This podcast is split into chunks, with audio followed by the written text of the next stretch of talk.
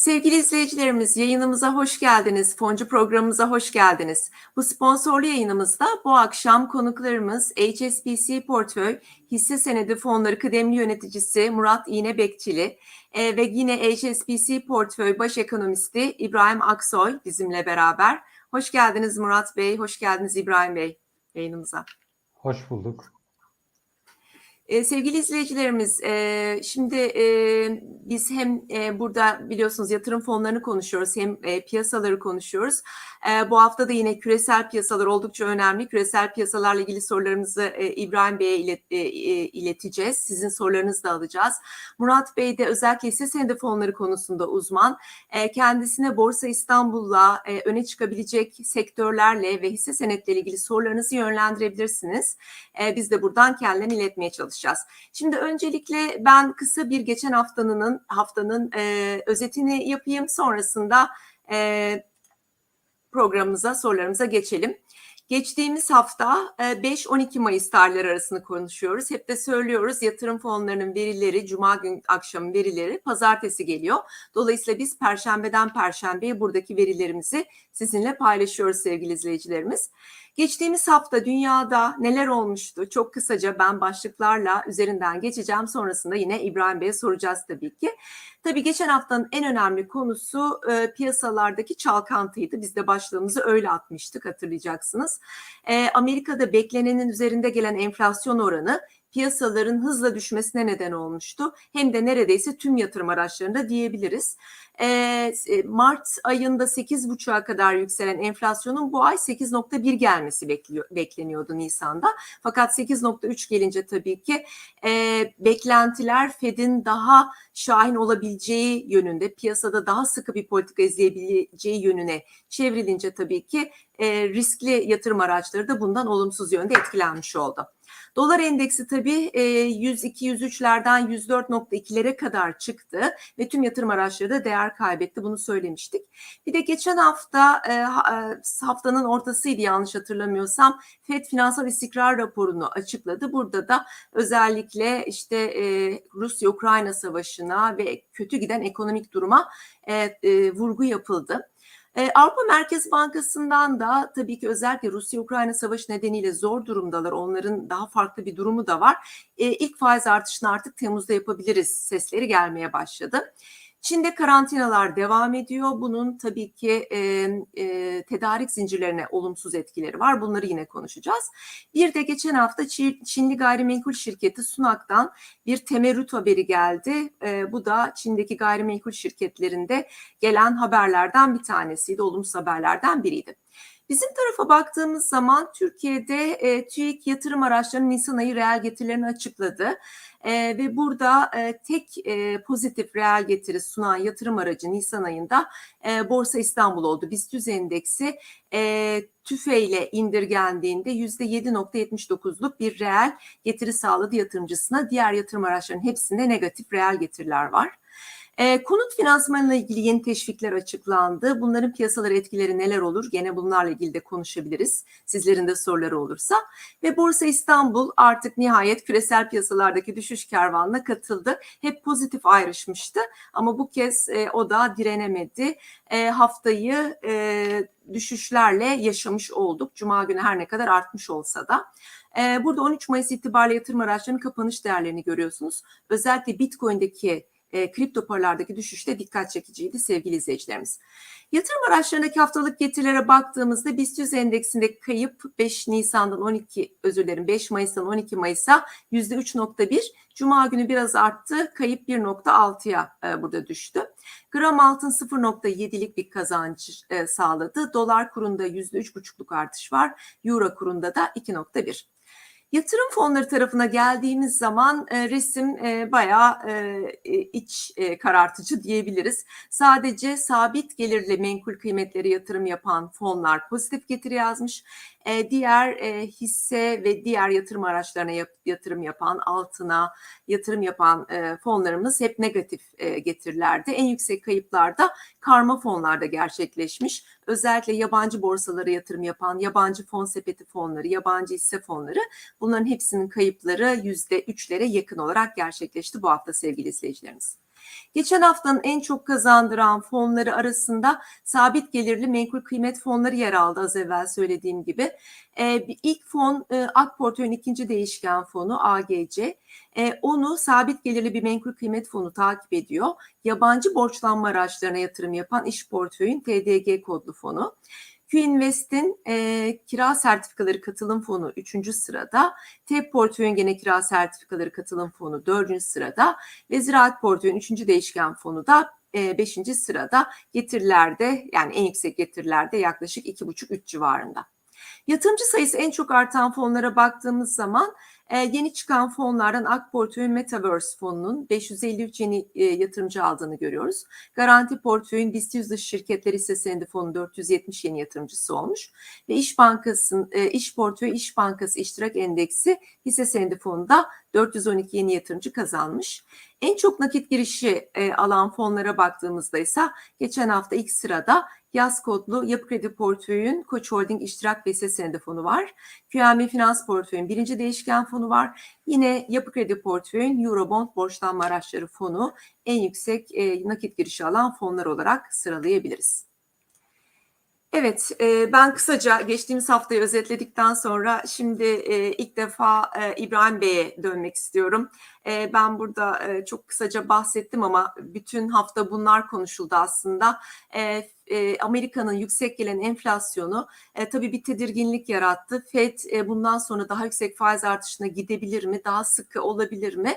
Benim burada e, İbrahim Bey size sorum hani e, iki taraf e, var aslında. E, bir kısım diyor ki evet Fed doğru yapıyor ama bir görüşte e, Fed'in aslında geç kaldığı, e, faiz artışlarında ve enflasyonun e, yüksek gideceğine dair e, beklentisini çok geç oluşturdu. Yani hep düşük gidecek dedi. Hatta Powell'ın da son yaptığı bir konuşmada biraz itiraf niteliğinde hani biraz geç kalmış olabiliriz. Yani çok yumuşak bir iniş yapamayabiliriz gibi bir serzenişte bulundu, bir söylemde bulundu daha doğrusu. Sizin ben bu konudaki fikrinizi merak ediyorum İbrahim Bey. Gerçekten hani FED geç kaldı mı ve bundan sonra neler olabilir acaba? Evet aslında ben de e, FED'in geç kaldığını düşünen taraftayım. Hatta aslında e, geçen yılın ortasından itibaren bunu ifade ediyorum e, katıldığım yayınlarda da. Burada tabii hani merkez bankacılığında bağımsızlık sorunu aslında birçok ülkede var. Bence Amerika'da da var. Euro bölgesinde de var. Çünkü ABD ve Euro bölgesine baktığımızda devlet tahvillerinin en iyi alıcıları merkez bankaları. Hani böyle bir ortamda hani merkez bankalarının çok bağımsız olduğunu söylemek mümkün değil maalesef. Şimdi Powell'ın söyleminin değiştiği dönem aslında biraz da şuna denk geliyor. Powell e, geçen hafta e, ataması da onaylandı kongrede gördüğüm kadarıyla ve artık biraz daha farklı konuştuğunu görüyoruz. Yani e, söylemini tabii ki enflasyon söylemini bir süredir değiştirdi ama geçen seneki geçici enflasyon söylemini ben biraz da buna bağlıyorum. Yani hani biraz da e, politikanın etkisinde kaldığını düşünüyorum ABD Merkez Bankası yöneticilerinin maalesef. O yüzden FED geç kaldı ve şimdi atacağı adımlar aslında önceki dönemde atacağı adımlara göre biraz daha hızlı olmak zorunda kalacak gibi görünüyor. Yani hani piyasalar şu anda e, FED fonları vadeli kontratları 3 puana yaklaşabileceğini öngörüyor FED e, faiz oranının ki 2,5 civarında e, nötr faiz oranı aslında. Yani bu senenin sonu itibariyle sıkılaştırıcı bir politikaya geçmiş olacak. Diğer yandan bilanço küçültme süreci başlıyor. Bunun da önemli etkileri olabilir. Ee, bir anlamda hızlı hareket etmek zorunda kalacak. Hani aslında biz de e, yaşadık dönem dönem Türkiye'de geçtiğimiz yıllarda geç atılan e, para politikası adımlarının e, daha sonra hani enflasyonla mücadele etmek için çok daha yüksek boyutta atılması gerektiğini gördük. Şimdi ben FED'de de benzer bir durum yaşanabileceğini düşünüyorum. Avrupa Merkez Bankası da bir anlamda enflasyon söylemini çok geç değiştirdi. Onlar da yeni değiştirdi. Temmuz'da faiz arttıracaklar muhtemelen.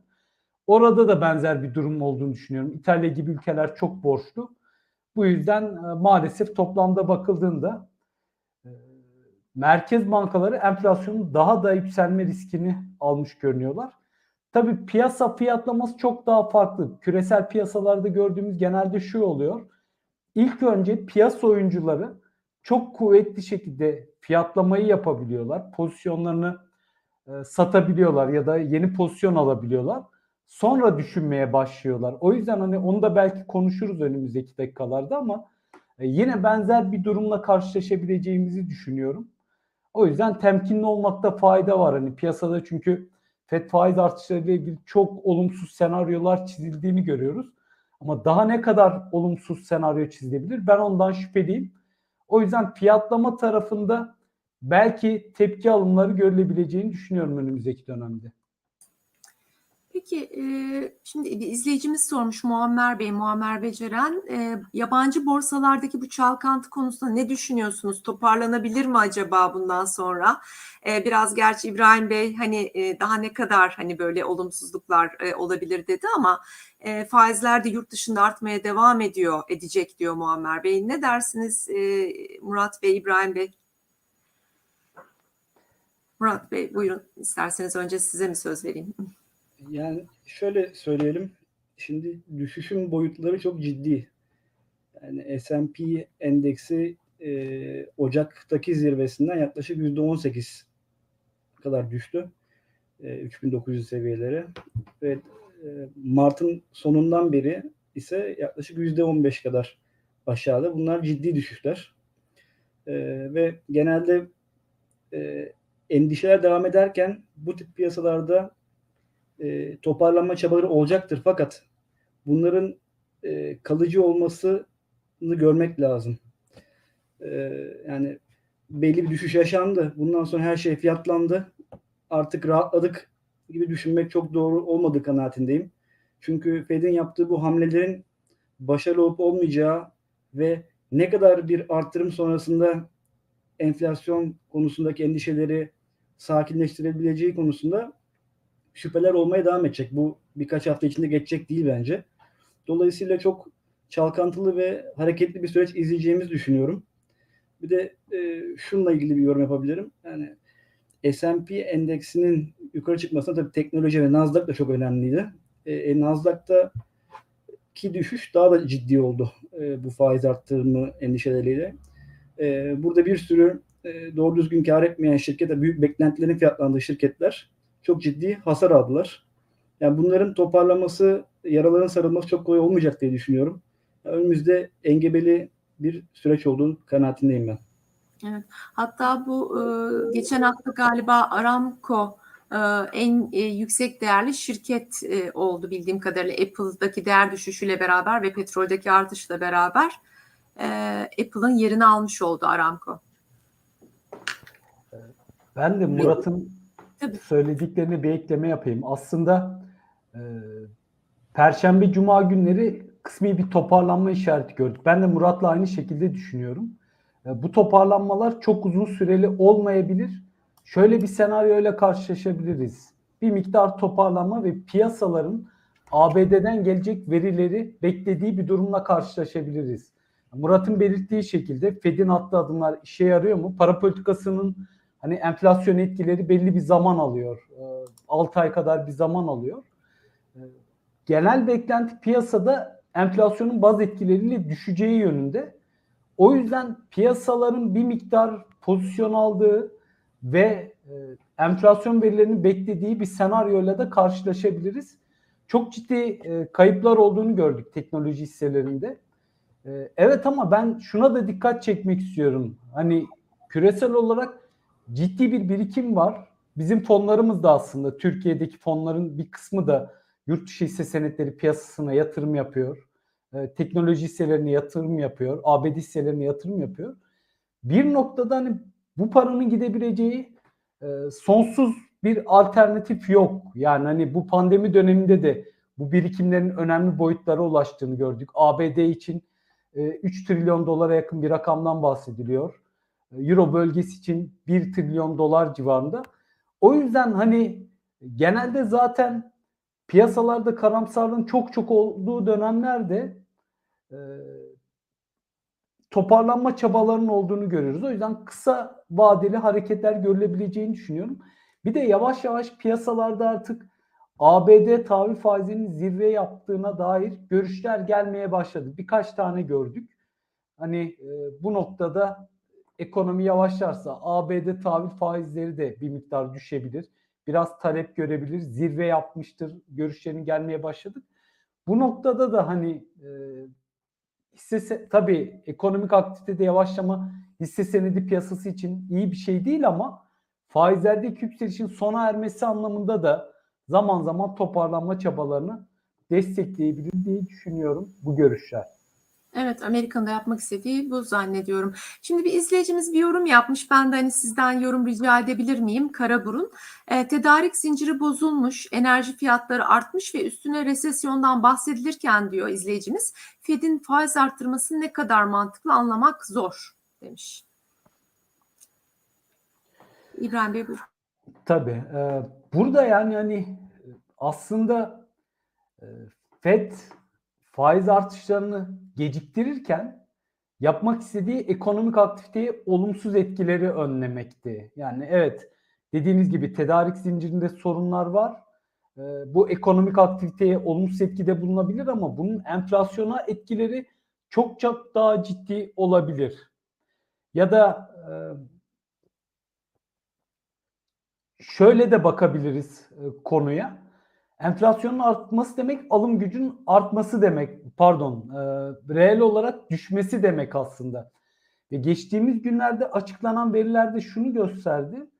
E, reel olarak ücretler Amerika'da ciddi bir hızla düşüyor yani hani %3'ün civarında reel olarak ücretler düşüyor geçen yıla göre. Ve bu alım gücünü azaltıyor. Hani ABD Başkanı Biden'ın da söylem değiştirdiğini gördük ve enflasyon bizim için birinci öncelik demeye başladı. Çünkü seçmenin alım gücü düşüyor. Bu noktada enflasyondaki yükseliş de aslında e, ekonomik aktiviteyi çok olumsuz etkileyebilir önümüzdeki dönemde. O yüzden burada enflasyona bir öncelik vermek gerekiyor diye düşünüyorum ben de. Çünkü bir de enflasyonda şöyle bir durum var. Hani belli bir noktadan sonra siz eğer enflasyona karşı adım atmazsanız enflasyon kendi momentumuyla hareket etmeye başlıyor. Fiyatlama davranışları bozuluyor ve maliyetlerin kastettiğinin çok ötesinde fiyat artışları olabiliyor. Bunu Türkiye'de de görebiliyoruz bazı sektörlerde. Evet maliyetler çok arttı o doğru ama bazı noktalarda eminim bunu e, izleyicilerimiz de şu anda görüyordur, hissediyordur. Ama maliyetlerin artmadığı, yeterince artmadığı noktalarda bile çok hızlı fiyat artışları görebiliyoruz. O yüzden hani e, bu diş macunu örneği vardır enflasyonda hani e, diş macunu tüpten çıktıktan sonra hani artık geri koyamazsınız e, diş macunu. Enflasyon da böyle. O noktaya gelmeden adım atmak lazım. Hem dediğim gibi hem momentumu önlemek açısından hem de e, ekonomik aktiviteye olumsuz etkileri olabiliyor yüksek enflasyon. O yüzden bence faiz arttırması doğru Fed'in. E, bir de faiz artışı yapması Fed'e gerektiğinde faiz indirimi yapması için bir alan sağlayacak. Düşünün Fed eğer faizi sıfırda tutsaydı ekonomi yavaşladığında ne yapacaktı? Yani hani tamam daha fazla tahvil alabilir ama faiz indirecek alanı olmayacaktı. Şimdi faiz artışı yapacak ama eğer ekonomi yavaşlarsa faiz indirebilecek. O açıdan ben doğru olanın geç olsa da yapıldığını düşünüyorum. Evet. Çok teşekkür ederiz. Şimdi ben biraz bizim e, borsa tarafına gelmek istiyorum Murat Bey. E, biz sizinle galiba 3 hafta önceydi bir son, fon sohbetleri programı yapmıştık. Ee, orada e, işte bizim aslında borsanın e, diğer yurt dışı borsalara ters koreli olduğunu söylüyorduk ve yukarı yönlü bir hareket vardı. Ama geçen hafta artık bizim borsamız da tabii ki yurt dışı piyasalardan e, etkilenmeye başladığını gösterdi. E, siz nasıl yorumluyorsunuz? Bundan sonrası için neler olabilir? Biraz e, bahseder misiniz? Yani epey bir süredir aslında e, kopuk işlem görüyor bizim borsamız. Tabii e, yani yurt dışında konuşulan endişelerle Türkiye'deki endişeler bazı konulara benziyor ama aslında çok da farklı şeyler konuşuyoruz. Türkiye'deki konu yani Türkiye'de bir enflasyon var, yurt dışında bir enflasyon var ama Türkiye'deki ile yurt dışını karşılaştırmak imkansız gibi bir şey. E, Türkiye'de bunun arkadan estirdiği rüzgarla şirketlerin e, karlılıkların çok ciddi şekilde olumlu etkilendiğini gördük. Yani son 6 ayın hikayesi aslında buydu. Birinci çeyrekte de nitekim benzer etkilerin bilançoları da gerçekleştiğini gördük. Daha sonra ne oldu? Tabii Amerika'daki bu denli yüksek bir satış hem hisse senetlerinde e, hem kriptoda genel olarak bir riskten kaçınma havasının artık e, kabına sığmaz hale geldiği bir noktaya geldi. Ve burada da içeride bizim e, daha fazla buna kayıtsız kalınamadı. Tabii e, daha önce nasıl kayıtsız kalıyordu şu an kalamadı diye sorabilirsiniz. Ama burada bence başka endişeler de hasıl oldu. E, bazı takipçilerimizin de yorumları var işte. Bir takım yeni e, kredi korumalı mevduat e, benzeri bir enstrümanın gelebileceği endişeleri de bence burada etkili oldu. E, yaklaşık bir 2-3 haftadır e, bunlar çok medya önünde konuşulmasa da bizim kula- kulağımıza da geliyor. Böyle bir şey gelir mi, gelmez mi? Süper bono mu gelir? E, enflasyon endeksi bir tahvil veya mevduat hesabı mı gelir? Bir sene mi olur? Kitler mi, kitlemez mi? Ya bunların arka tarafta konuşulduğu e, endişesi bence e, Amerika'daki satışla birleşti. Bunun üzerine bilanço dönemi geride kaldı. Bilanço döneminin geride kalması demek artık beklentilerin fiyatlanmış olması demek. Yani e, gerçekleşmenin satılması da anlamına geldi. Zaten e, Nisan Mart sonu ve Nisan sonuna kadar çok güzel performans vardı. Açıkçası borsanın bir miktar kar alması için bunların hepsi bence vesile oldu diyebiliriz. Peki Murat Bey az evvel söylediniz e, yine izleyicilerimiz soruyorlar e, bu enflasyon endeksli bonodan bahsediliyor dediniz. Bu Evet. peki Borsa İstanbul nasıl etkiler? Yani olumsuz bir etkisi olur mu? Yani buradan yüksek miktarda çıkış ve o tarafa geçiş gibi bir şeyden bahsediyoruz. Şimdi e, tabii borsalarda fiyatlama neyle olur? Hep bahsettiğimiz şey. Bir şirket karları, karların yukarı gidiyor olması. İkincisi de e, alternatif yatırım araçları. E, geçen senenin e, Kasım ayından beri buradaki performansın önemli bir sebebi e, TL tarafında bir alternatif olmamasıydı.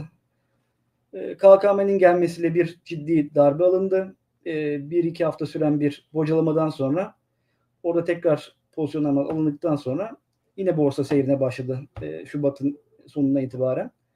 Şimdi benzer bir ürün gelirse bence olumsuz etkisi olur.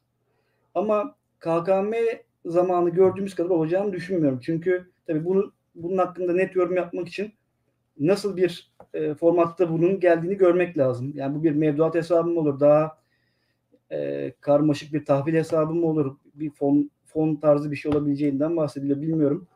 Yani bunun e, klasik Türk yatırımcısı tarafından benimsenme ihtimalinin yüksek olduğu bir formatta gelirse, kolay anlaşılabilir bir şekilde gelirse e, bence buraya girmiş bir miktar parayı geri çıkarabilir. Ama bunun çok uzun süreli kalıcı etkisi olacağını düşünmüyorum.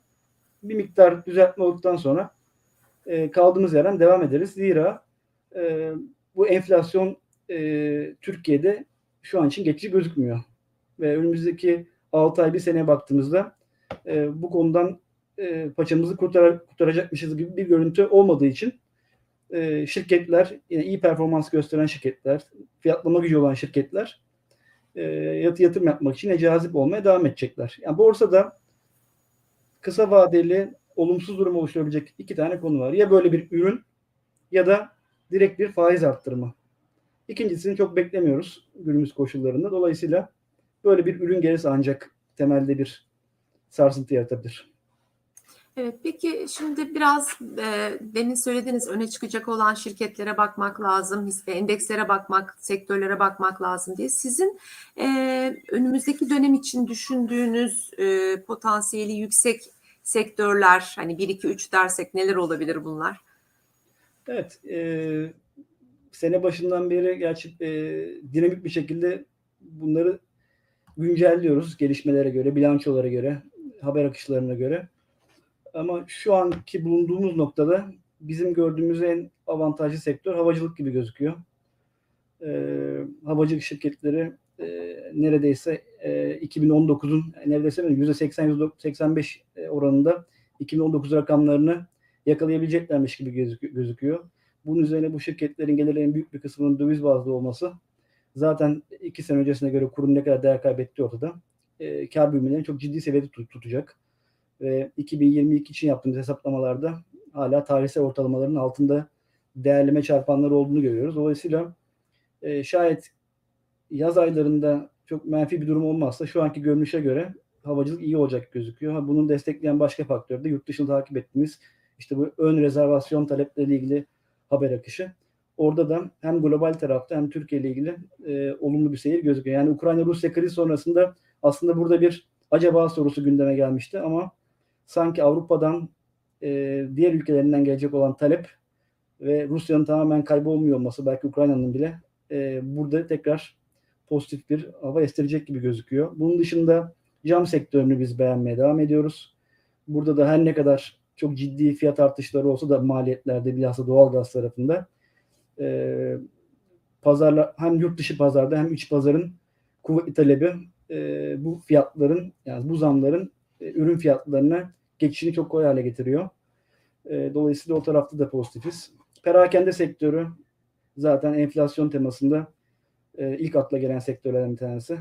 E, 2021 yılında enf- e, çok fazla bir ayrışma sağlayamamışlardı diğer sektörlere göre ama bu enflasyonun birikmiş etkisini 2022 yılında cirolarda ve faaliyet görüyor olacağız. Zaten ilk çeyrek bilançoları da geldi şirketlerin. 2022 e, beklentilerini oldukça yukarı revize ettiler. Bence o, o tahminlerin de yukarı riski hala devam ediyor. Yani yeni e, paylaştıkları beklentiler de muhafazakar kalabilir bu enflasyon gidişatında. Dolayısıyla perakende sektörünü de beğeniyoruz. Aynı zamanda daha az olmakla beraber otomotiv ki o da ihracat bacağı sayesinde ve döviz gelirleri ağırlıklı biraz daha güvenli olduğunu düşündüğümüz için dış piyasaya e, e, satış yapan otomotiv şirketleri ve uzun çelik tarafında beğeniyoruz. Peki. E, bir de e, Metin Bey'in şöyle bir sorusu olmuş Murat Bey. Diyor ki Mayıs ayları sat, Haziran anomaliden bahsediyor burada. Haziran ayları al senaryosu genelde tutuyor demiş. Bu sene de Haziran yükselişi bekliyor musunuz? Bekler misiniz? E, yani Haziran ayında yükseliş olup olmayacağını söylemek için erken e, yani bir ay önümüzdeki bir ayda nasıl bir gidişat olur söylemek zor. Ama ben şahsen şunu beklerim. Şimdi birinci çeyrek bilançoları geride kaldı. Ee, Türkiye'deki bence ciddi önemli şu an mesele alım gücünün düşüyor olması. Yani biz bunu geçen sene tüketici tarafında ikinci 6 ayda çok hissetmedik. Şirketler de pek hissetmediler. Birinci çeyrekte de pek hissedilmiş gibi gözükmüyor ama ikinci çeyrek ve üçüncü çeyrekte e, ki tüketici güvenini ve e, o alım kuvvetini hala baki olduğunu bir görmem lazım e, bazı sektörler açısından. Eğer e, mevcut durumda böyle bir yavaşlama olmadığını görürsek e, global piyasalarda toparlıyorsa gayet tabii Mayıs ayındaki bu zayıflıktan sonra Haziran ayında daha e, değerli toplu bir piyasa, olumlu bir piyasa görebiliriz. Ama dediğim gibi e, piyasa zamanlaması yapmak, ne zaman düşüp ne zaman çıkacağını zamanlaması yapmak çok zor ve iyi olduğumuz bir konu değil. Dolayısıyla biz e, mesaimizi, emeğimizi, eforumuzu e, sektör ve şirketlerin hangilerinin ayrışacağına tespit etmekle harcıyoruz. Ama e, beyefendinin söylediği şey gayet olasılıklar dahilinde. Evet. Ee, İbrahim Bey size bir soru sormak isterim. Caner Çolak e, demiş ki enflasyon %8 iken %1 faiz alıp borsalardan çıkmak ne derece mantıklı? Ben orayı çözemedim diyor. Ben mi yanlış düşünüyorum? Yani e, hani enflasyon Amerika'da %8 %1 e, de doların faizi gibi düşündü herhalde izleyicimiz. Neden hani insanlar hisse senetlerinden çıkıp da dolara geçiyorlar acaba der. Özellikle ABD'de teknoloji hisseleri e, büyüme hisseleri olarak adlandırılıyor. Yani bunlar bu şirketler şu anda çok yüksek kar etmese de gelecek dönemde e, sonraki dönemlerde aslında büyüyerek e, iyi karlar getirilebileceği yönünde beklentiler oluyor ve bu nedenle satın alıyorlar. Ve çarpanların çok çok yükselebildiğini görüyoruz. 50-60'a kadar çıkarabiliyor e, piyasa alımlarıyla fiyat kar oranlarını. Tabii faizler arttığı zaman bu şirketlerin büyüme hisseleri dedik bunlara. Finansman maliyetlerinin artacağı e, yönünde endişeler olabiliyor ve karlarının gelecekte beklendiği kadar olamayacağına dair endişeler oluyor. E, Bu nedenle aslında e, bu şirketlerin değer kaybettiğini görüyoruz. Ya da faizler arttığı zaman nakit akışları bugüne getirilirken, bugüne indirgenirken daha yüksek bir faiz kullanıldığı için hesaplamada bugünkü değeri nakit akışlarının düşüyor.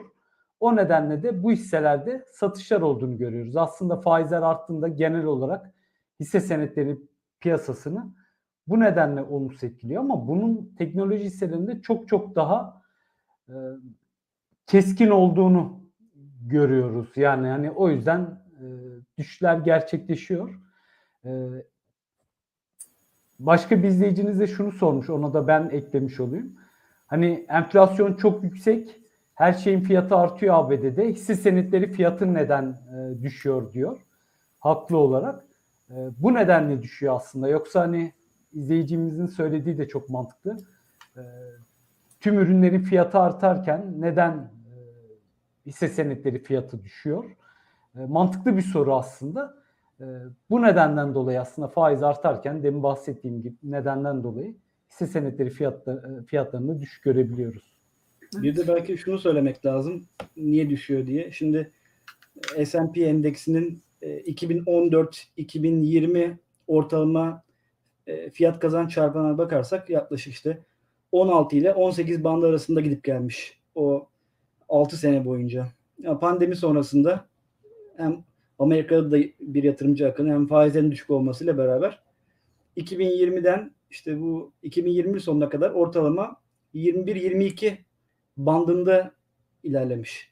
Şimdi bu, bu raddede bir yükseliş Şimdi arkasında e, düşük faiz ortamının etkisi var.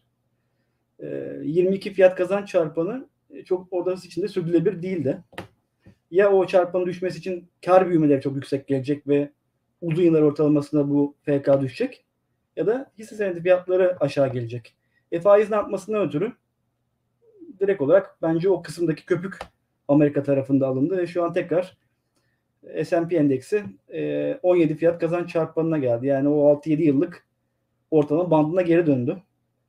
E, bu noktadan sonra eğer Amerika'da gerçekten bir durgunluk olmazsa şirket karları e, yükselmeye devam ederse bu bu çarpan aşağı revize olmaya devam edecek ve bunu toparlamak için tekrar eski yerine çekmek için borsalar yukarı hareket edecekler dediğiniz gibi. Ama belki de durgunluk durumu olacak ve şirketlerin bu beklenen karları gerçekleşmeyecek ve karlar aşağı revize edilecek. O zaman belki bu çarpanın tekrar yukarı gittiğini göreceğiz. Hisse senetleri hareket etmeden. Yani dolayısıyla aslında borsalar tamamen beklentileri fiyatlıyor ve şu an beklentilerle ilgili bir kafa karışıklığı var. E, bu faiz artımı yapılırken de bu köpük alınmış oldu diyelim. Evet. Bir de ben Gökhan ikincinin sorusunu sormak istiyorum ee, İbrahim Bey'e. Katar ile yapılan bu swap anlaşmasında diyor 1 doların 22 TL'ye sabitlendiği söyleniyordu. TL'de tekrar devalüasyon bekler misiniz?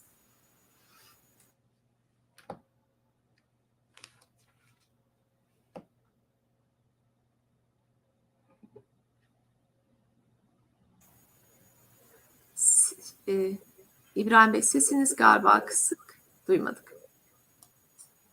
Baştan alabilirsek. Pardon çok affedersiniz.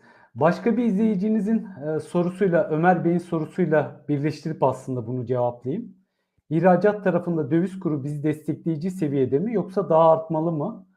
E, bu sebeple yavaş da olsa artış beklemeli miyiz? E, patika olarak, kur patikası olarak diye sormuş izleyiciniz. Müsaadenizle ikisini beraber cevaplayayım. Şimdi şöyle aslında hani kur korumalı mevduat ürünü Aralık ayından itibaren Türk lirasını görece bir stabilite getirdi. Ee, Toplam rakam 50 milyar doları aşmış durumda kur korumalı mevduat üründe. Ee, Dövizden TL'ye geçişleri 30 milyar dolar civarında biz tahmin ediyoruz.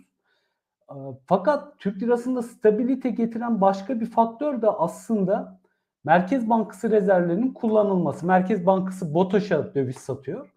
Bunun dışında da hani yaptığımız hesaplamalar, rezerv hesaplamaları Hazine ve Merkez Bankası arasındaki protokole istinaden Merkez Bankası'nın piyasaya döviz sağlıyor olabileceğini işaret ediyor. Bu sadece bir tahmin tabii ki bizimki. Ama Merkez Bankası ihracat ve hizmet gelirlerinin döviz kazandırıcı hizmet gelirlerinin %40'ını satın alsa da örneğin geçtiğimiz haftanın ilk 4 gününde toplamda 3.2 milyar dolar döviz rezervlerinin düştüğünü hesaplıyoruz biz. Hani swaplardan alındırılmış döviz rezervlerinin. Orada da bir destek olabileceği anlamına gelebiliyor bu. Bunu tabii BOTAŞ'a da satmış olabilir Merkez Bankası. Piyasaya da satmış olabilir. Ee, o yüzden kurda stabil bir seyir görüyoruz. Ama burada e, bu stabil seyir önümüzdeki dönemde devam edebilir. Yurt dışı biraz durulursa eğer yaz aylarında döviz gelirleri artacak Türkiye'nin turizmden dolayı. Murat çok iyi bir şekilde ifade etti aslında oradaki e, beklentilerimizi. Hava yolu taşımacılığıyla ilgili olarak verdiği beklentiler aslında turizm gelirleri için de geçerli. Hani Rusya'dan genel olarak turistler gelmeye devam edecek.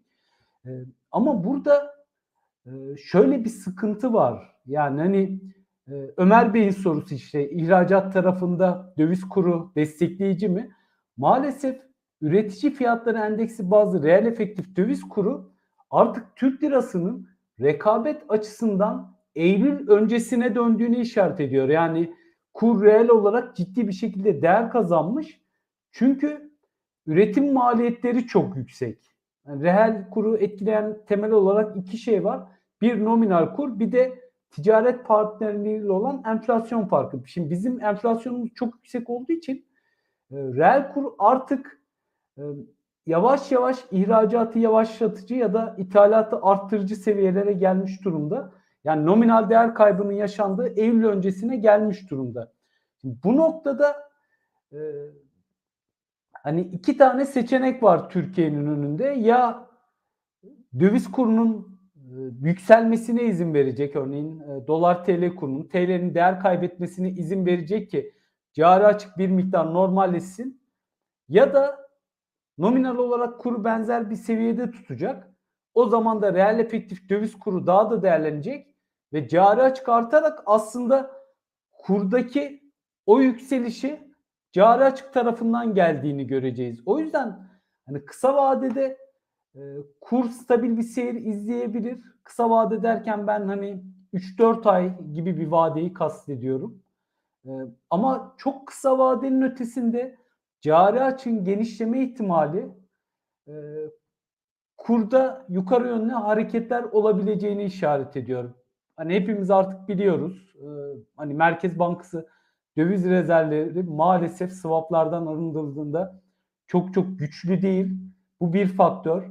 İkinci faktör e, vadeler geldiğinde özellikle şirketler e, ki Haziran e, Temmuz ayında vadeler gelecek kur korumalı mevduat üründe vadelerini yenileyip yenilemeyeceği çok önemli olacak. Üçüncü faktör de dolarda küresel değer kazanma eğilimi. Bu faktörlerden dolayı yani 3-4 aylık vadenin ötesinde e, Türk lirasında tekrar e, değer kaybı baskısı görülebilir. Bir de Kasım Aralık ayında dış borç ödemeleri ve cari açık tekrar artmaya başlayacak.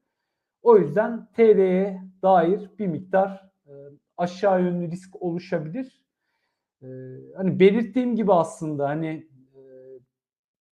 benim gördüğüm hani ekonomide size yüzde yüz emin olurum dediğim diyebileceğim tek şey aslında yapılan her şeyin bir yan etkisi olduğu.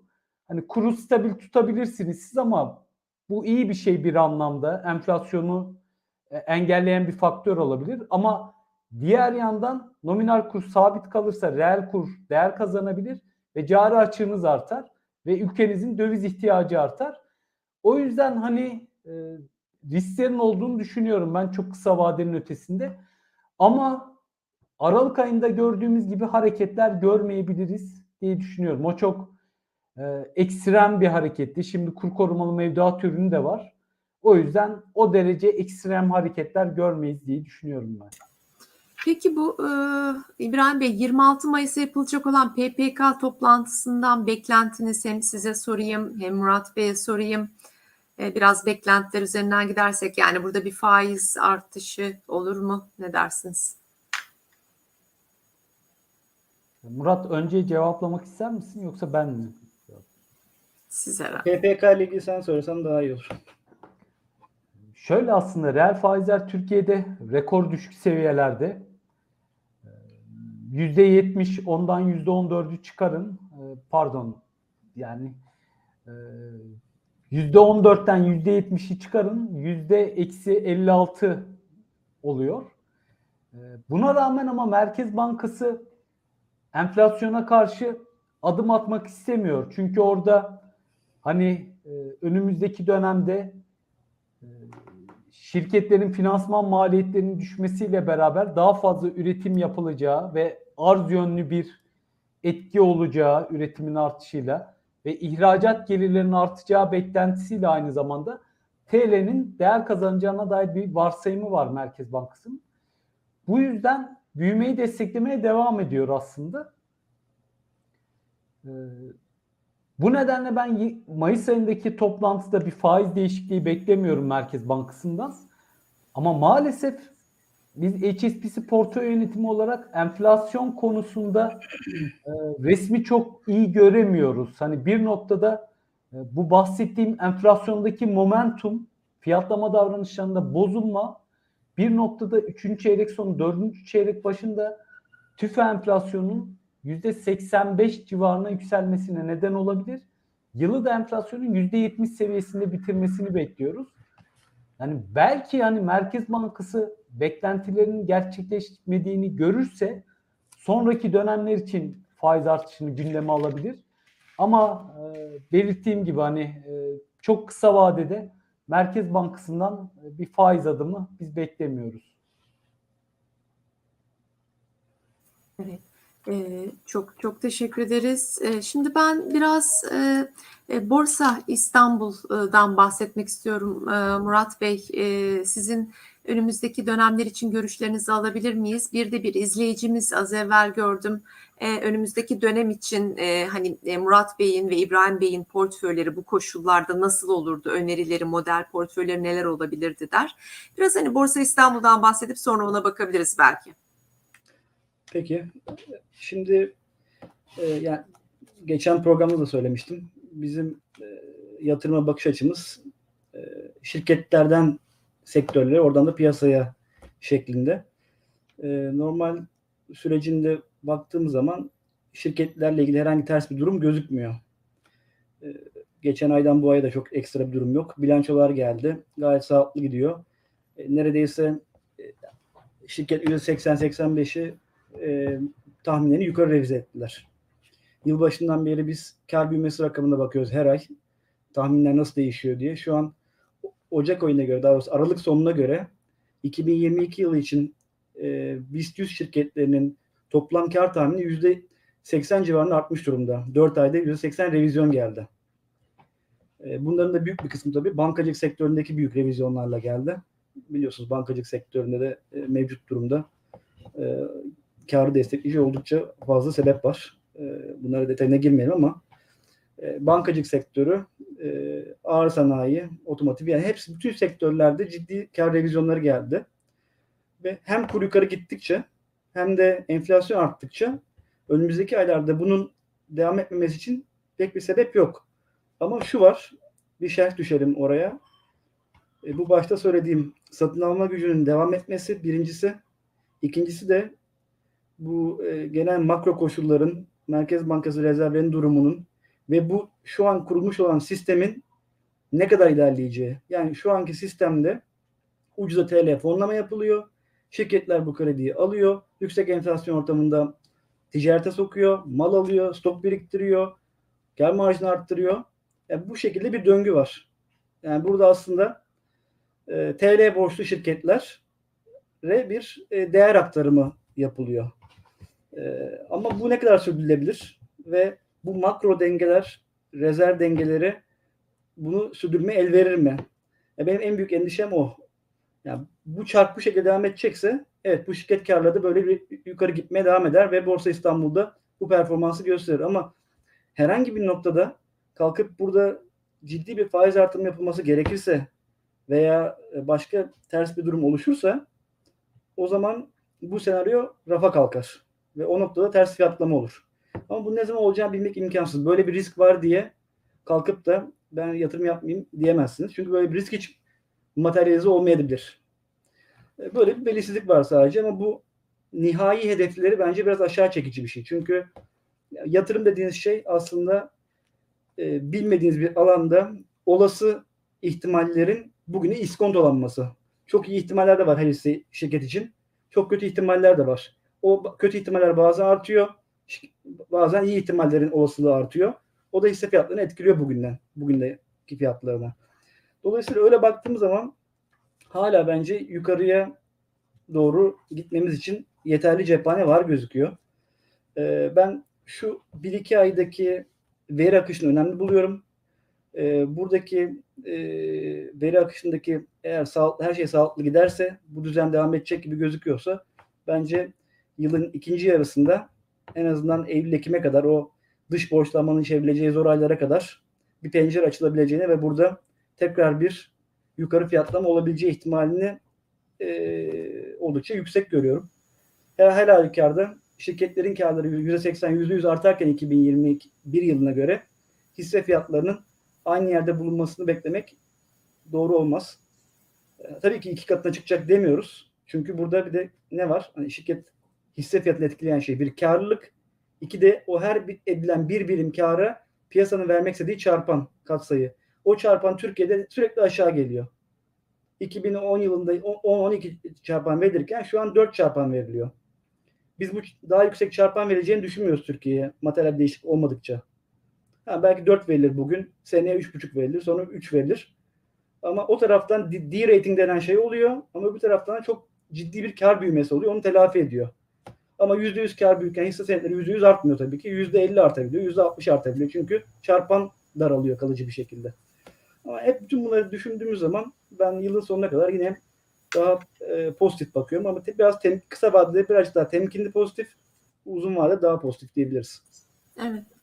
Ee, Peki ben şimdi sizin fonlarınızla ilgili sorular gelmeye başladı. Onları ileteceğim ama ondan önce bir izleyicimiz de hatırlatmış. Sevgili izleyicilerimiz lütfen programımıza e, daha çok insana ulaştırmamız için beğen butonlarına tıklamayı unutmayın. Böylelikle daha çok kişi bizi izleyebilir diyelim. E, Sizin HVS fonunuzu geçen program çok konuşmuştuk Murat Bey. E, HSBC Portföy Hisse Senedi Fonu. Haydar Aslaner de der ki HVS kodlu hisse senedi fonunuzdaki son dönemlerdeki pozitif ayrışmayı nasıl bir stratejiye bağlıyorsunuz? Tabii ben hem onu sormak istiyorum, HVS'yi sormak istiyorum hem de HSA'yı sormak istiyorum, değişken fonunuz. Belki hani böyle zamanlarda biraz daha öne çıkabilecek e, fon e, türlerindendir e, değişken fonlar. Aktif yönetim olduğu için içerisinde hani içerisinde yüzde seksen hisse bulundurmak durumunda değil. Bize biraz ikisinden de bahsedebilir misiniz? Hatta bir e, zannediyorum e, getirilerle ilgili bir Evet. tablo oluşturmuştunuz. Ben onu da paylaşayım. HVS fonumuz aslında son dönemde tabii yılbaşından beri sıralama yapıldığında e, üst seviyeler çıkıyor. Yani şu an tematik olmayan fonlar içerisinde yılbaşından beri baktığımız zaman ya birinci ya ikinci diyebiliriz. Gününe göre değişiyor. O sıralama çok değişir. O yüzden birazcık daha göz önünde bulunuyor ama aslında 3 yıllık ve 5 yıllık sıralama çekseniz Tepas'ta orada da hep ilk 10'un içerisinde ve hatta ilk 5'in içinde olduğunu göreceksiniz. Uzun vade getirileri HVS'nin çok iyidir. Her sene aşağı yukarı 15-20 puan BIST 30 üzerinde ek getiri elde etmiştir. E, bu seneki biraz daha belki rakiplere göre fazla ayrışması e, aslında biraz daha büyük şirket odaklı olmasından fonun. E, rakiplerimiz daha çok e, küçük şirketlere yayılım yapmış durumdalar ve e, 4 aylık süreçte bilhassa BIST 30 şirketlerine ciddi e, getiriler oldu. E, bizim bunları yakalama şansımız daha yüksekti. Bence oradan ayrıştık diye düşünüyorum. Ama bu, bu demek değil ki biz sadece BIST 30 şirketlerine bakıyoruz. Biz genellikle BIST 100 şirketlerinde oluyoruz ama ağırlığımız daha fazla BIST 30 şirketler olabiliyor. E, HVS içinde de çok gelecek vadeden e, düşük ağırlıklarda e, ufak e, nispeten ufak sayılan şirketler var. E, ama tabii e, böyle çalkantılı ortamlarda biz aslında HSA fonumuzu da öneriyoruz. Değişken fon. E, bu fonda uzun yıllardır çok iyi getirilere sahip. Bu %50 ortalama hisse kullanarak e, geri kalanını ise sabit getirilen enstrümanlarda işte repo olsun, e, ÖST olsun, zaman zaman çok nadir de olsa son dönemde pek kullanmadık ama tahvil olsun. Bunları kullanarak oynaklığı düşürüyor. %50'lik hisse kısmıyla da ekstra getiriler yaratmaya çalışıyor. Bunun özelliği bir hisse yoğun fon gibi illa hisse taşıması gerekmiyor. Ee, sadece beğendiğimiz hisseleri taşıma lüksümüz var. Yani bir havacı şirketini çok mu beğeniyoruz? %10 onu koyuyoruz. Veya bir otomotiv şirketini çok mu beğeniyoruz? %10 onu koyuyoruz. Diğerlerinde başka e, endişeler veya gözetilen kıstaslar olurken bu fonda sadece 5-10 hisseyle hayatımızı devam ettirebiliyoruz. Yeri geliyor %70 hisse taşıyor. Yeri geliyor %30 hisse taşıyor bugünlerde olduğu gibi. Dinamik yönetilen bir fon. Ee, herkesin aslında e, rahat ettiği bir fon tipi değildir hisse yoğun fon. Yani şu an piyasa çok iyi gittiği için herkes hisse yoğun fon tutmakta rahat hissediyor kendini. Fakat kötü zamanlarda getirinin çok zayıf olduğu zamanlarda insanları çok canı sıkan bir konudur o oynaklık ve e, götürüler. Dolayısıyla bu tip yatırımcılara uzun vade bakabilen bu tip yatırımcılara daha az oynaklık tercih eden ama getirim iyi olsun diyenler için HSA fonunu da öneriyoruz. Bu da bir değişken fon olmasından mütevellit %10 gibi bir stopaja tabi. Ama e, e, bu çok önemli bir konu değil bence. E, ileriki dönemlerde bazı değişiklikler planlıyoruz. E, uzun vadeli bir sene fon tutan kişilerin de bu stopajdan muaf olması için çalışmalarımız var. Önümüzdeki günlerde bunu yap- yaptıktan sonra da haber veriyor olacağız. Dolayısıyla e, HSA fonunu altını çizmek isterim bu ortamda. Bilhassa oynaklığı yüksek olduğu ortamda hisse getirisini de istiyorum diyenlere HSA fonu tavsiye ederiz. Peki HSA'nın e, risk değeri neydi e, Murat Bey? E, yani hangi tür, hangi risk profilindeki yatırımcılara daha uygundur diye soralım. HSA orta riskli diye geçiyor aslında. Bilhassa son dönemde biraz hisse senedini arttırdığımız için riskli kategoride ama çok riskli değil. HVS çok riskli kategoride, HSA riskli kategoride. Riskli bir alt kategoride yer alıyor. Bir sonraki slayda geçelim isterseniz. Orada da Tabii. bir örnek vermiş olalım. Bu son oynaklıktaki gidişatı. Kırmızı ile gördüğünüz bu bu yıl başında yatırılan 100 liranın e, bugünkü değeri. İşte dolar TL'ye koysanız 116 lira olacakmış. Mevduatta zaten 106 lira oldukça ca- e, şey zayıf. HSA 129 lira, HVS 140 lira, Borsa İstanbul'da 132 lira olmuş. Yani HSA aslında ortalama sadece %50 ise taşıyarak o riski çok azalarak neredeyse Borsa İstanbul 100 getirisini yakalamış. Ve en son düşüşte bakın ne kadar sert bir geri çekilme yapıyor Borsa İstanbul endeksi. HVS ondan birazcık daha az yapıyor ama HSA neredeyse hiç düşmedi. Yani böyle piyasa çalkantılarını az atlatabilirsek amacımız bu. Yani orta uzun vadede getirilerimiz bu şekilde çok yüksek oluyor. HSA'nın özelliği de bu. Dolayısıyla bunu da altını çizmek isterim. Peki HSA'yı sormuş Selim Bey, e, özür dilerim Seçkin Doyuran. E, Eurobond olmamasının özel bir nedeni var mı acaba diye sormuş. HSA sadece bir TL fon. Ee, TL e, varlık dışında varlık almıyoruz şeye fona. Sadece TL. Hı hı. E, Cemal Bey de der ki Cemal Artuç HSA'yı bölmeyi düşün düşünüyor musunuz? Çok beğeniyorum bilgi almak için aradım fakat telefona e, bakmadılar demiş. HSA'yı Evet. bölmeyi düşünüyor musunuz? Şu anlamı söylüyor. Yani fonun fiyatı 250 liralar civarında yan- yanlış söylüyorum ama 200 liranın üzerinde bir pay almak için 250 lira ver- vermeniz gerekiyor. Yani bunu biraz bölsek de daha rahat işlem görsün diye ama bu oldukça çetrefilli bir süreç. Ee, ama bir not edelim bu isteğinizde. Evet, bir de e, e, gene HSA ile ilgili Selim Örsan'ın sorusu. Kamu ve özel sektör dış borçlanma araçlarını e, hiç almıyorlar galiba demiş. Siz buna Eurobond'a hayır demiştiniz ama Dev, devlet iş borçlanmayı e, alabiliriz ama almıyoruz bu dönem. Yani, e, tahvil tarafında bir cazip durup olduğunu, olduğunu düşünmediğimiz için HSA'ya şu an için tahvil koymuyoruz. Şu an HSA'da yaklaşık %50-55 hisse vardır. E, geri kalan %45'lik kısımda e, repo yapılır. Viyop teminatı vardır. ÖST'ler vardır %20 kadar. E, ama şu an için tahvil düşünmüyoruz. Açıkçası Viyop tarafında HSA'nın bir özelliği de uzun kısa pozisyona taşımasıdır. Yani sadece piyasa iyiyken performans göstermez. E, Viyop üzerinden e, kısa pozisyonlar alır. İkili e, makas trade'leri yapar. Bir şirkette uzun pozisyon taşırken karşısında kısa pozisyon taşır veya endekse karşı bir takım ikili pozisyonlar yapar. Yani aslında tam bir fırsatlar fonudur. Bir hisse senedi fonu demememizin sebebi bu. Fırsatlar fonu. Hangi e, yerde bir fırsat varsa hangi endekste veya senette onu değerlendirmek için e, çalışan bir fondur HSA. Bu şekilde söyleyebiliriz. Ha, bu tahvilde ileride önümüzdeki dönemde bir fırsat olursa tahvil alırız tabii ki. Onun önünde Hı. bir engel yok. peki Serdar Bey sorar HSBC portföyün Eurobond fonu var mı? Demiş. Evet. Eurobond fonlarımız var. Hatta birden fazla var. Ee, web sitemizde de görebilirler Eurobond, farklı Eurobond fonlarını. Ee, Eurobond fonların avantajı nedir? Ee, dolar giriş yapabilirsiniz bir kere. Ee, isteyen TL, isteyen dolar giriş yapabiliyor. Ve normalde Eurobond'u almak için Eurobond'la işte en az 200 bin dolar gibi meblağlar almanız gerekiyor. Ama fon olduğu için istediğiniz miktar parayla fonlar vasıtasıyla Eurobond yatırım yapabilirsiniz. Avantajı budur. En büyük avantajı. Evet. Ee, HSBC portföy fonlarını öğrenmek istiyorsanız sevgili izleyicilerimiz videomuzun açıklamasında bir link var. Oraya tıklayabilirsiniz. Oradan HSBC portföyün tüm fonlarına ulaşabilirsiniz. Bu bilgiyi de verelim. Ee, şimdi bir de Hua'yı sormuşlar e, Murat Bey. Selim Örsan Hua'dan bahseder misiniz demiş. Evet, HUA bizim masamızın yönettiği fon değil ama şöyle söyleyeyim. E, bunda da e, yarısından fazlası yabancı e, piyasalara yatırım yapar. Hisse senetlerine, Amerikan teknoloji senetlerine. E, yani yarısı dolar, yarısı TL bir fondur. Bu da tabii son dönemde Nasdaq tarafındaki satışlarla falan birazcık e, tematik olarak terste kalmış oldu ama e, Amerikan borsalarının toparladığı bir zamanda e, oradaki seçimlerle fark yaratabilecek iyi bir yabancı fon alternatifidir. Evet.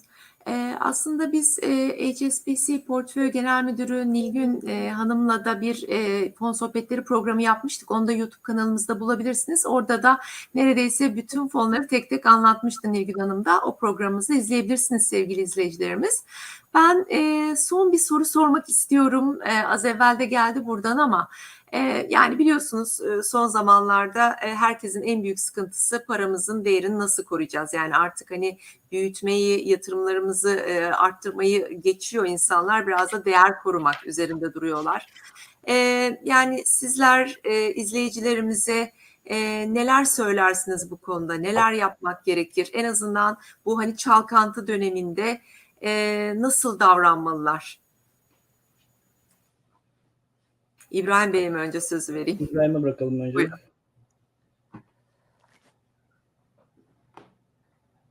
Yani şöyle aslında e, maalesef Türk lirası geçtiğimiz yıllarda e, çok önemli değer kayıpları yaşadı. Çok ciddi oynaklıklar yaşadı. E, hani bu oynaklığı yaşayan yatırımcılar artık temkinli. Türkiye'de döviz mevduatlarının payının %60'a yakın olduğunu görüyoruz. Sadece döviz mevduatlarının payı ama kur korumalı mevduatı da döviz olarak değerlendirirseniz ki yatırımcılar aslında artık o meblağa da e, döviz olarak bakıyor. Bu oran çok daha yüksek ama hani yaşadığımız oynaklıkları düşündüğümüzde e, aslında bu kaygıların haksız olmadığını görüyoruz e, maalesef. O yüzden e, yüksek enflasyon ortamında ve e, yüksek cari açık ortamında kura dair e, riskler e, bu kaygıların önümüzdeki dönemde de devam edebileceğini işaret ediyor. O yüzden hani e, tamamen Türk lirasında olmak, Türk lirası yatırımı yapmak portföylerde e, Türk lirasına dair riskleri almak anlamına geliyor tamamıyla. O yüzden başka alternatifler de var. Örneğin hani Eurobondlar, döviz cinsi e, Eurobondlar mevduatlara göre faizleri çok iyi. E, Murat'ın bahsettiği gibi bizim de Eurobond fonlarımız var. E, Onlar da bakılmasına ben fay- fayda görürüm.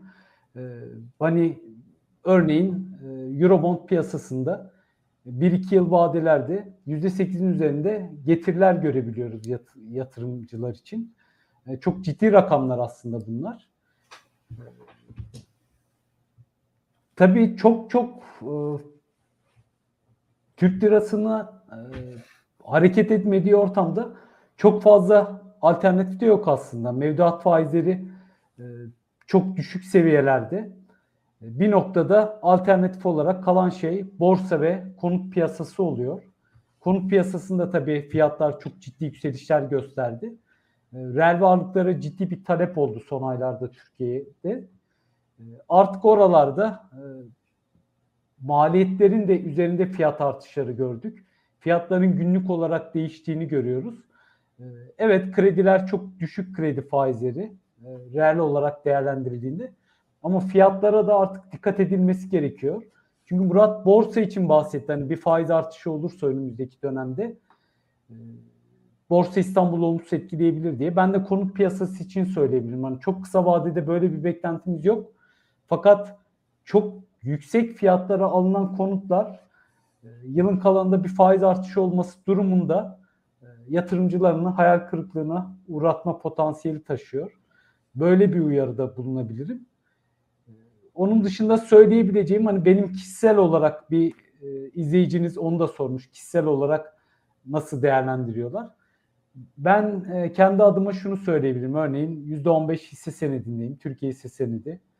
E, %11 altında, %20 civarında Eurobond taşıyorum portföyümde. E, bunun dışında bir miktar e, döviz mevduat taşıyorum. E, dönem dönem petrol fonu e, taşıyorum portföyümde.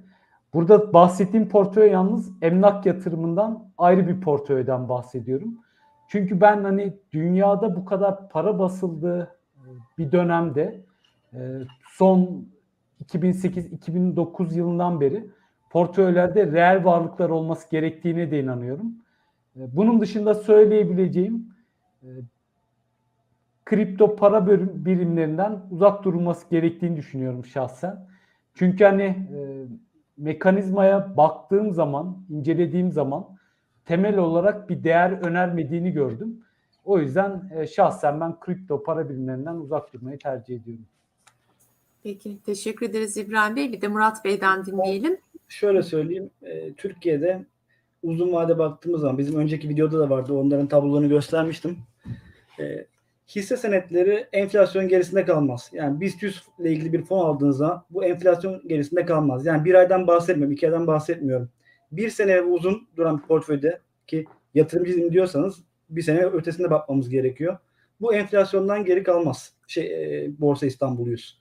Siz iyi bir fon seçtiğinizde bu bizim fonlarımız olması gerekmiyor. Bu işi çok iyi yapan bir sürü iyi fon yöneticisi ve şirket var Türkiye'de. Her sene bizim gibi o endeksi 15-20 puan üzerinde getiri elde edebiliyorsa bunun e, bileşik etkisini düşününce yani iyi seçilen, iyi yönetilen bir hisse portföyünden daha iyi getirebilecek bir TL varlık bence yok. Yani son 5 senelik performansında da HVS'nin ve HSA'nın bunu görüyoruz. Dolayısıyla bence portföylerin e, ben TL ve dolar diye ayırırım. Yani dolar kısmını herkesin kendi bakış açısı ama TL kısmında hisse senetlerinin ağırlığı, fonların ağırlığı bence %50'den az olmamalı. Çünkü dediğim gibi bir sene, üç sene, beş sene vadeye baktığı zaman çok ciddi ek getiriler yaratılıyor. E, ama zaten yatırımcı olmak da bu. Bu şu an içinde bulunduğumuz dönemler gibi zamanları veya önümüzdeki günlerde, aylarda da böyle bir şey olursa bunları hep eklemek için kullanmanız lazım. Yatırımcılık bunu gerektiriyor. Bu zamanlarda panik olup çıkmak, zamanlama yapmaya çalışmak değil ama e, keşfedek olan yedek akçelerimizden bu düşüşlerde fon olarak veya senet alarak kendinize güveniyorsanız, işi iyi yaptığınızı düşünüyorsanız değerlendirecek zamanlar bunlar. Korkulacak zamanlar değil. Bütün bu çalkantılar aslında günün sonunda fırsat. Yani geçtiğimiz benim 18 yıllık e, tecrübem bunu gösteriyor. En böyle satışların yoğun geldiği zamanlarda yapılan yatırımların geri dönüşleri inanılmaz yüksek oluyor. Böyle zamanlar aslında e, enseyi karartacağımız değil, aslında daha iyi yerlerden e, maliyetlenebileceğimiz yerler olduğunu düşünerek mutlu olmamız gerekiyor diye düşünüyorum. Ee, Peki. Ben ben bir ekleme yapmak istiyorum Tabii. çok kısa. Ee, Buyurun. sanırım demin portföyden bahsederken %15-16 civarında da yurt içi hisse senedi e, tutuyorum ben portföyümde. Ve Bu yatırımları yaparken e, fonlar üzerinden de yatırım yapıyorum. Murat'ın dediğine ben katılıyorum. Genelde hani piyasada panik olduğu zaman e, ciddi alım fırsatları görebiliyoruz ve aşağı yönlü fiyatlamaların çok hızlı yapılabildiğini görüyoruz. Yükselişler ama daha uzun dönemlerde e, devam ettiğini görüyoruz. O yüzden ben hani e, herkes olumsuz şeyler söylerken yatırımcıların aldığı pozisyonların daha kazançlı olabildiğini görüyoruz zaten aslında bu söylediğim çok basit ve açık bir şey. O yüzden Murat'ın dediği gibi herkes panik yapıp satış yaparken seçici olarak davranarak yatırım yapmak iyi bir strateji olabilir diye düşünüyorum ben de. Evet. Çok çok teşekkür ediyoruz verdiğiniz bilgiler için. Murat Bey, İbrahim Bey programımıza katıldığınız için çok sağ olun. Biz teşekkür Biz ederiz. teşekkür ediyoruz. İyi akşamlar. İyi akşamlar. Görüşmek üzere. Görüşmek üzere. Sevgili izleyicilerimiz programımızı izlediğiniz için teşekkür ederiz. Bir sonraki programımızda görüşmek üzere. İyi haftalar, bol kazançlar. Hoşçakalın.